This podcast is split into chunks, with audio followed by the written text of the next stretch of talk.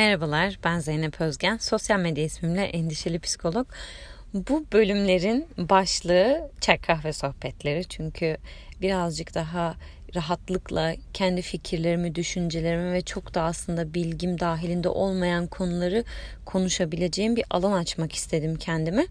Ya bunun tabii ki öncelikli sebebi canım bu konuları konuşmak istiyor olması. Bir de sizden gelen sorular da oluyor. Mesela işte annelikle alakalı işte bir şeyler e, konuşmam isteniyor filan. E, dolayısıyla da ben çok e, onu başka bir kimlik altında konuşmayı tercih etmiyorum, istemiyorum yani hani e, o belli bir şeye e, profil çizmeye bu anlamda. O yüzden de kendimce böyle kendime esnek bir alan verebilecek bir çözüm bulmuş oldum. Yani bu e, etiketi gördüğünüz zaman, çay kahve sohbetlerini gördüğünüz zaman bilin ki birazcık tırnak içinde goy goy yapıyor olacağız. E, bu meselelerin hani ciddiyetsizliğinden değil ama dediğim gibi belli bir çerçeveye oturtma ihtiyacı hissetmeden bunu yapıyor olacağım. Şimdi bu günün sohbetini de biraz şey etrafında şekillendirmek istiyorum. Veganlık, annelik, yani kimlikler daha doğrusu. E, bu da bir süredir işte okuma kulübü e, yürütüyorum e, online platformda ve son e, dönemde yaptığımız okumalar kimlik, kimlik inşası üzerineydi haliyle yani biraz da üzerine düşündüğüm meseleler olmuş oldu e, yakın zaman içerisinde. Sonra geçenlerde işte bir video izledim veganlık üzerine. Veganlık da e, zaman zaman böyle beni dürten meselelerden bir tanesi. Ya burada hani nasıl aksiyon almak lazım? Gerçekten bu işin aslı astarı nedir? Nasıl bir hassasiyet göstermek gerekiyor gibi zihnimi kurcalayan bir mesele. E, yani etik anlamda bu, şekilde. bir de e, yani genel olarak hani annelikle alakalı aslında konuşmak benim için çok keyifli bir şey değil. Bunun sebebi de anne kimliğine e, girmeyi reddetmem. Yani e, ya tabii ki de çocuğumu çok seviyorum ve çok da iyi bir ilişkimiz olduğunu düşünüyorum. Hani iyi ki var, iyi ki benimle birlikte. Ama hani adımın anne olduğu zaman artık bunun toplumsal bir tarafı olmakla birlikte hani işler e, çok daha böyle çığ gibi büyüyor ve sanki kadınlar bu rolün altında, bu kimliğin altında ezilecek hale geliyormuş gibi hissediyorum ve buna böyle mesafeli bir duruşum var bu sebepten dolayı. E, ama e, ya haliyle de ben me- merak edilen şeyler de oluyor işte. Anneyken nasıl bu kadar kitap okuyabiliyorsun işte. Hem anne olup hem çalışmak işte böyle böyle yurt dışında yalnız çocuk büyütmek falan gibi şeyler. Ya bunlar da hak yani merak edilebilecek sorular tabii ki. Ben de merak ediyorum yani çolukla çocukla ne yapıyor bu insanlar nasıl hallediyorlar diye. O yüzden de hani bunlar arasında düşünürken yani veganlık işte annelik kimlik mimlik böyle birkaç nokta yakaladım kendimce onu paylaşma isteği duyuyorum. Bu bölümde de aslında bunun etrafında birazcık şekillendirmek istiyorum. Şimdi öncelikli olarak genel bir yerden giriş yapayım. Ee, biz en son kitap okuma kulübünde İsmet Özel'i okuduk. Valdo Sen Neden Burada Değilsin kitabını ve bu kitap İsmet Özel'in aslında kendisi hakkında e, işte ya sürekli yol değiştiriyor bu adam e, işte hani komünizmden e, İslamcılığa daha doğrusu kendi Müslüman olarak bir kimlik e, ediniyordu. İşte komünizmden Müslümanlığa ama her zaman da şair olmuş ve bu kimlik altında kendini var etmeye çalışan İsmet Özel'in kendisine karşı yapılan bu saldırılara bir cevap niteliği taşıyan bir kitap aslında bu.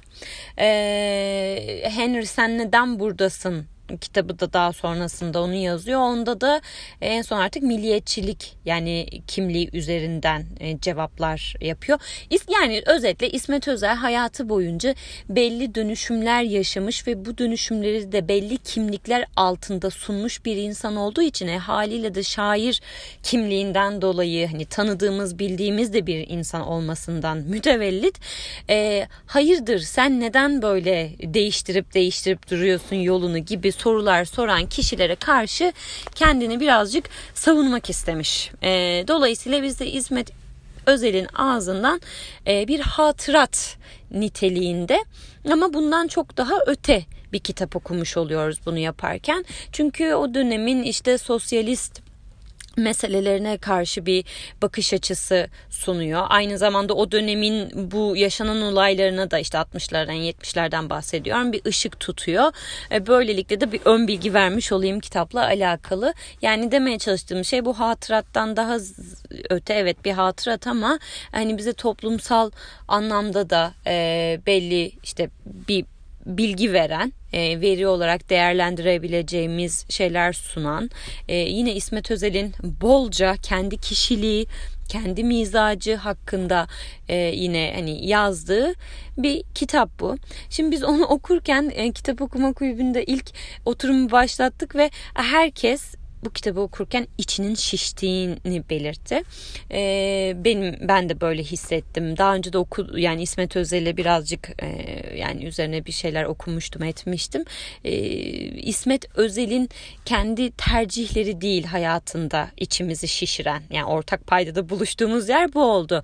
Sürekli e, kendini belli bir kimlik altında tanımlama ve hani o kimliği yani kendince yorumlayış biçimini yüceltme çabası ve kendini koyduğu pozisyon aslında hepimizi birazcık rahatsız etmiş. Ve benim kendi kişisel kanaatim şu gerçekten bir kimlikle beraber kendini var etmeye çalışma çabası e, insanlarda yani diğerinde itici gözüken bir şey e, itici gözüküyor diğerinde. Yani diğeri bunu itici buluyor. Çünkü kendisinde de aynı potansiyel var. Yani bir kimliğin altına sığınıp e, sığınmayı burada negatif anlamda söylemiyorum. E, ama bir kimliğin çatısı altına girip e, hani oradaki çatışmalarını ya hani tamamen benimseyecek o kimliği ya o kimlikle bir yandan çatışıyor olacak ama aynı zamanda da işte rasyonalize etmesi lazım. Çünkü artık o kimliği sahiplenmiş ve ben buyum da diyor bir yandan o zaman nasıl kendini ayrıştıracak hani e, o kimliğin altında olup ama çok da takdir etmediği diğerlerinden de bir ayrıştırma ihtiyacı hissedebilir insan kendisine. Neyse sonuç olarak sürekli İsmet Özel'in ben ben ben şöyleyim ben böyleyim e, gibi vurguları hani hepimizi bir anlamda rahatsız etmiş.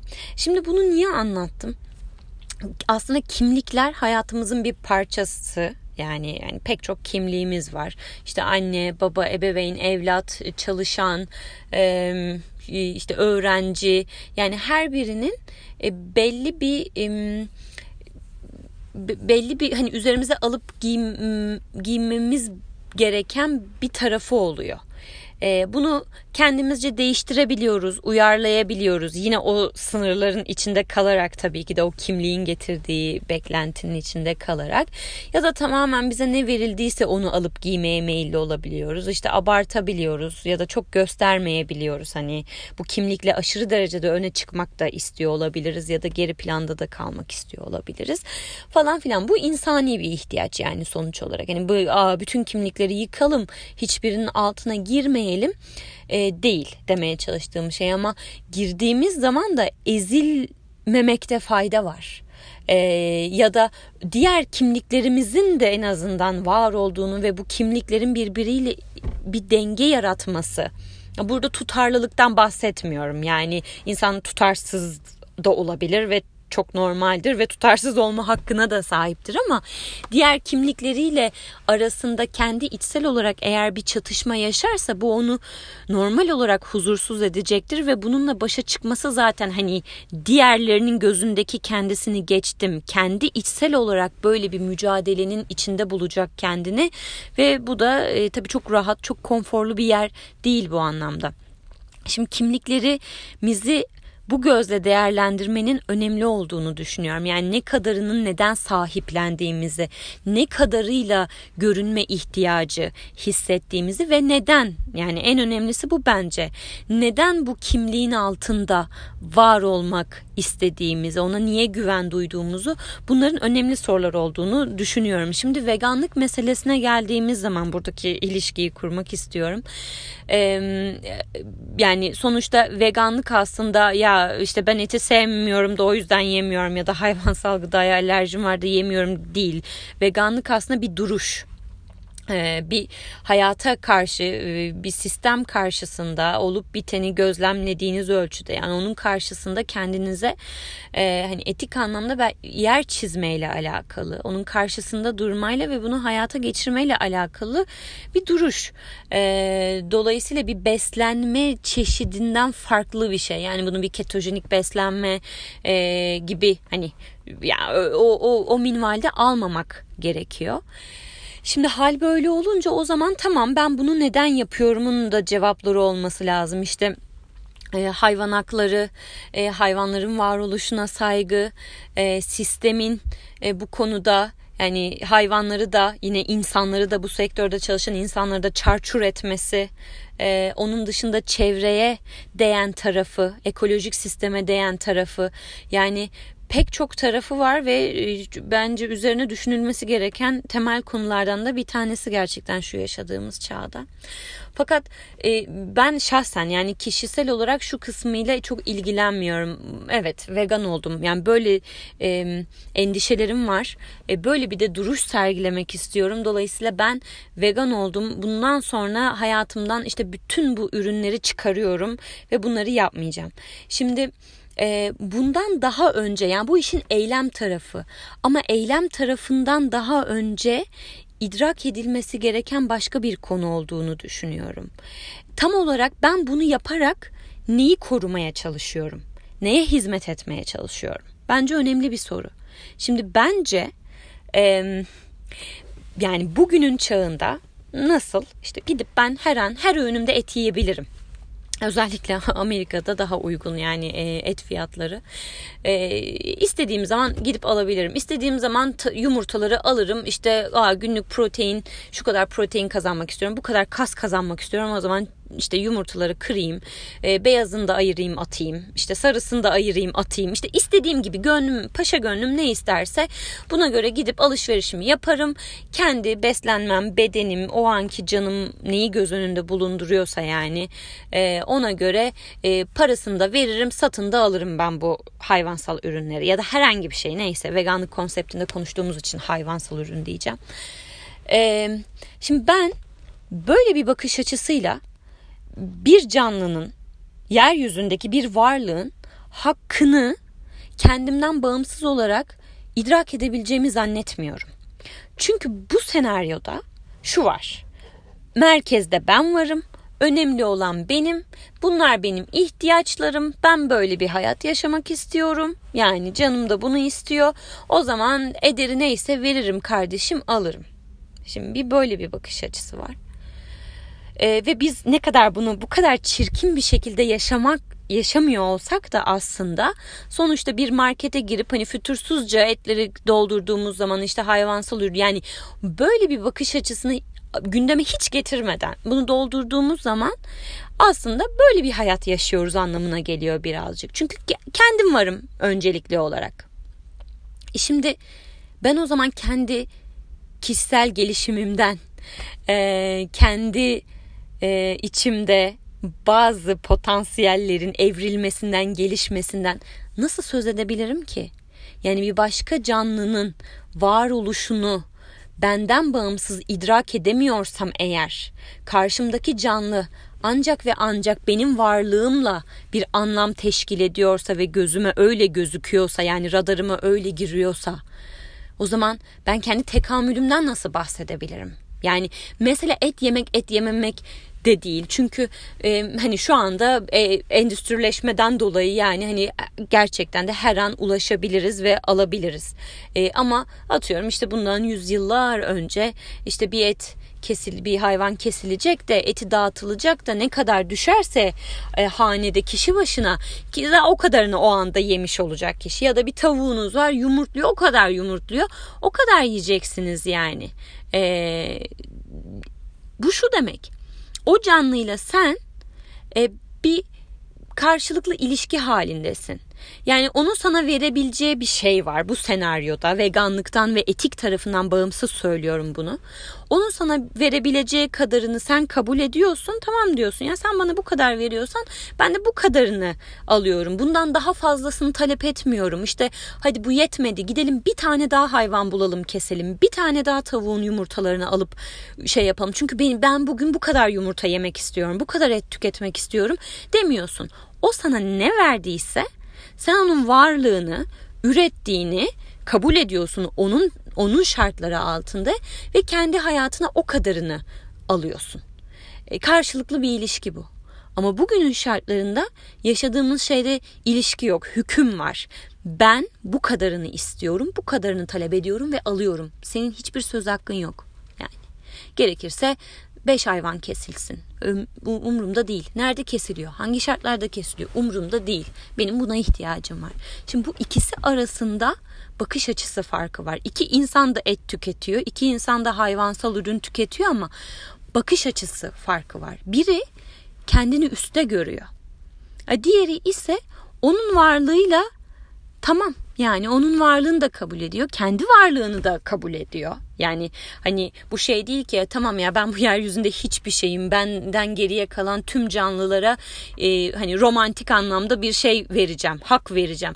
Ya bu da biraz romantize edilme şeyi. Sonuçta biz hayvan haklarını konuşurken yani bir hayvanın değil mi üniversiteye gitme hakkını bunu böyle, böyle işte şu an şey saçma bir örnek oluyor bu da. E, yani böyle bir şeyi konuşmuyoruz. Neden? Çünkü o hayvanın kendi varoluşu içerisinde kendi sınırlılıkları ve kendi potansiyeli yani yeryüzündeki kendi yeri üzerinden aslında bir beklenti içine girme eğilimindeyiz belli konularda. İşte onun üniversiteye gitmesini şey yapmazken ama işte hani onun etini tüketmek, onun sütünü tüketmek ben oralarını bilmiyorum. Yani bence kişisel olarak o hayvanın hak üzerinde sen benim için varsın an istediğim kadar da sana hükmedebilirim. Sana senden istediğim kadarını tüketebilirim. Yani bu, bu sıkıntılı bir bakış açısı. Ama e, şunu da sıkıntılı buluyorum bir yandan. E, merhaba ben veganım. Ben bunu yani tek geçerim hayatta. Çok önceliklendiriyorum. Yeri geliyor karşımda et yiyene şöyle bir bakış fırlatıyorum. İşte düşünemiyor musun diyorum filan. Ki o an o kişinin hangi şartlarda o eti yediğini falan falan da bilmiyoruz yani. Neyse yani şunu demeye çalışıyorum. O kimliği sahiplenip e, eleştirel, e, ahkam kesen, ceza kesen bir tarafa geçmek de çok mümkün ve bu bize hiç yabancı değil görüyoruz yani etrafımızda hani bu anlamda işte ahlak polisleri her şeyin en doğrusunu bilen insanlar gezinip duruyor ve bu durdurduğu yerde sizi nutuk atmaya başlıyor ya da nutuk atmasa bile içsel olarak sizi kınıyor. E şimdi e, o zaman ben de canlıyım. Yani benim hakkım nereye gitti bu senaryoda hayvanın hakkını koruyacağım derken nereye gitti? E tamam vegansın, vegan ürünlerle besleniyorsun. O da bir endüstri artık. Yani sonuçta onun içinde e, yani yapım aşamasında çalışan işçiler var ve bu işçilerin hakkının ne kadar korunup korunmadığını mesela önemsiyor musun? Hadi et yemedin, hayvansal gıda yemedin ama bu bununla bitmiyor ki. O sektörde çalışan insanların hakları korunuyor mu bakalım? Sonuçta imaj odaklı bir sistem içerisinde yaşıyoruz. Her şey bize çok şık gösteriliyor olabilir ama arka planında kim bilir ne mağduriyetler var. E bunları o zaman nereye koyacağız? E bunları bu kadar sistemin arka planını bu kadar biz göremezken ki göre, göremeyiz yani kolay bir şey değil ki bu.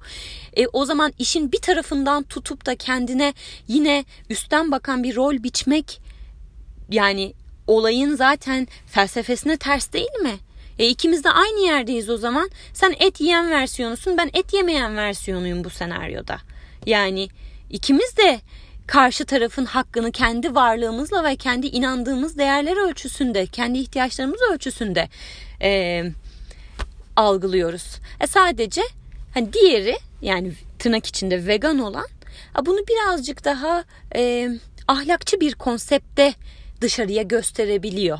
Yani dolayısıyla ilk izlenimi belki beni daha alt eden bir türden oluyor hani toplum içerisinde.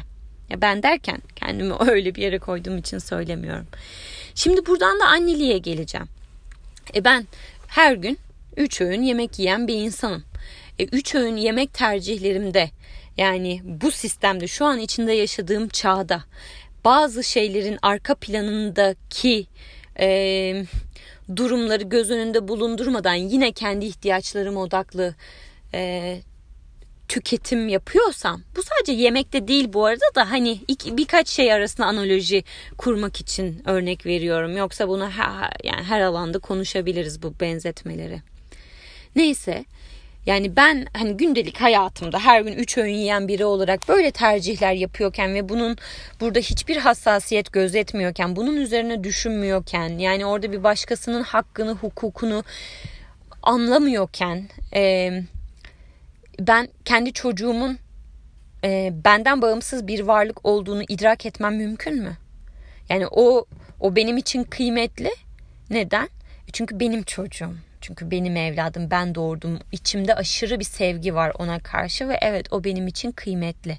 Şimdi böyle mi olmalı? Yani birinin varlığını kabul edebilmemiz için, birinin hakkının varlığının olduğunu idrak edebilmemiz için illa ona yoğun bir sevgi mi duymamız lazım? İşte ha, ya da acıma. Ya bu da mesela benim açıkçası tepeme attıran şeylerden bir tanesi. İlla acıma duygusuyla mı yaklaşmamız lazım? Bu da insanın kendini çok üste konumlandırdığı bir yer değil mi? Yani ya kıyamam ya. ya çok acı çekiyorlar. Hayvanlar canım hayvanlar. Ya bazen belki hiçbir his duym duymadan da o canlının var olduğunu nasıl idrak edeceğiz yani biz? Çünkü o hissi oluşturmak için bir kendini gerçekten üste koyman gerekiyor. İkincisi o o şeyle o canlıyla bir bağ kurman lazım. E bağ kuramadığımız canlılar var yeryüzünde. İşte hani her zaman bize verilen örnek işte Afrika'daki açlar. E, Afrika'daki açlar, Afrika'daki açları biz tanımıyoruz ki, hissetmiyoruz ki. Acıma duygusunu o an şey yapamıyoruz ama işte yolda mendil satan bir çocuğu gördüğümüz zaman hani ya içimiz yanıyor ve o an başka duyguları hissediyoruz ve kendimizi daha iyilikçi bir yerde değerlendiriyoruz falan. E ikisi de insan. E ne oldu? Çünkü sen birini gördün, biri sende bir duygu oluşturabildi. Yani yine merkezde sen varsın. Sende bir duygu oluşturdu. Sende bir istek uyandı ona yardım etmek etme isteği. Heh, sen şimdi iyi bir insan oldun.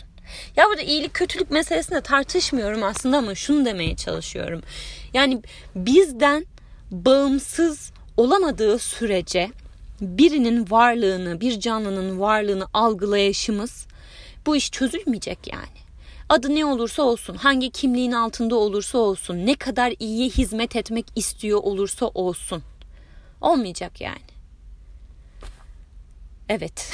bu kadar celallendim. Bu ilk e, bu anlamda sohbet konuşması birazcık yüksek olmuş olabilir. Ee, hani kimsenin seçimlerinin tercihlerini kınama derdinde değilim yani ben zaten böyle bir hayat yaşamıyorum açıkçası. Evet yani kendi e, düşüncelerim var. İşte canımı sıkan meseleler var. Kafa yorduğum ama işte duygusal olarak bir ilişki kurmadığım ama yine de ya bunun sorumluluğunu o zaman ben nasıl üstleneceğim? Beni zorlayan şeyler var. Ama bir yandan işte bununla da bir mücadelem var kendi içimde. Ya böyle böyle kendi içimde tartışmalarım var ve e, bunu da paylaşma ihtiyacı hissettim. E, umuyorum keyifli bir sohbet olmuştur.